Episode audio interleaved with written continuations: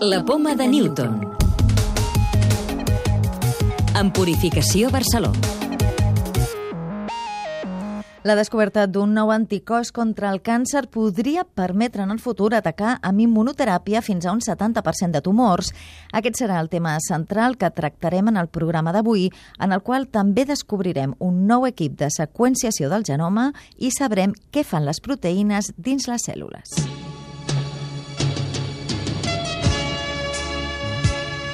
L'anticòs que han desenvolupat, entre altres investigadors de l'Institut Oncologia Vall d'Hebron, s'ha aprovat en malalts amb càncer de colon amb resultats molt esperançadors, ja que en un 20% dels casos el tumor ha disminuït i en un 60% s'ha aconseguit aturar-ne la progressió. Ara la immunoteràpia només es pot aplicar en un 30% de tumors, els que tenen cèl·lules immunes adormides a l'interior, i aquest anticòs el que fa és facilitar que el sistema immunitari també actuï en càncer sense cèl·lules immunitàries. Per fer aquesta feina, utilitza una proteïna a la qual s'adhereix. Josep Tabernero és un dels responsables de l'estudi. Són les primeres dades d'un anticòs que és capaç, per una banda, d'unir-se a les cèl·lules linfoides que hi ha en l'organisme i, per altra banda, a la cèl·lula maligna. És a dir, el que fa és enganxar per dir-ho d'alguna manera, aquestes cèl·lules linfoides cap a la cèl·lula maligna, amb la qual el primer pas que la majoria de tumors no tenien, que és que les cèl·lules immunes estiguin dins del tumor, ja ho aconseguim.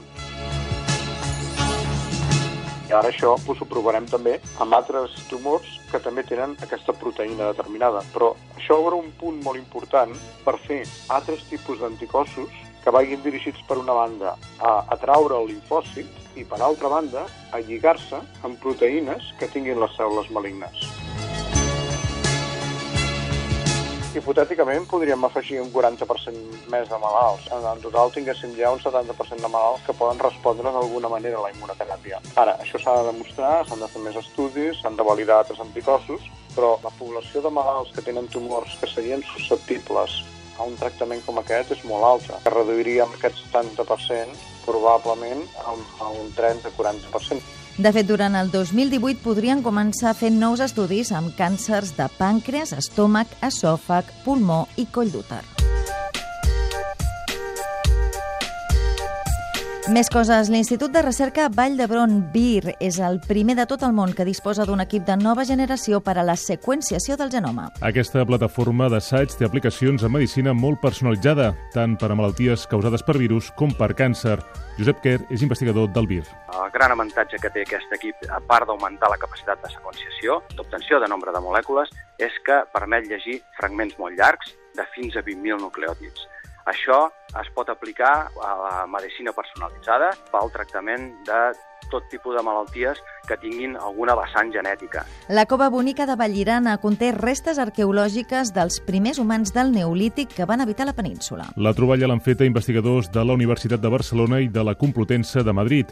Es tracta d'un descobriment destacat perquè són les restes més antigues trobades a la zona i perquè es conserven molt pocs jaciments sobre els primers anys del desenvolupament de l'agricultura i la ramaderia fa més de 7.000 anys. Un estudi científic ha demostrat que el mecanisme que manté les neurones vives durant la bellesa i en situacions d'estrès depèn d'una proteïna. La investigació l'han feta científics del Centre de Biologia Molecular Severo Ochoa, que han detectat que errades en aquest procés poden desenvolupar malalties neurològiques com pot ser l'Alzheimer. L'estudi pot contribuir a determinar millor les causes d'algunes patologies neurològiques i a desenvolupar estratègies per fer-hi front. La clau de volta. Quina és la funció de les proteïnes dins de la cèl·lula? Oriol Gallego, investigador de l'Institut de Recerca Biomèdica de Barcelona. És el motor de la cèl·lula. És important absolutament per qualsevol cosa relacionada amb la vida de la cèl·lula, tant en cèl·lules sanes com en cèl·lules malaltes. I, per exemple, un cas típic és el del càncer, on aquesta maquinària cel·lular no està funcionant correctament i això causa la malaltia.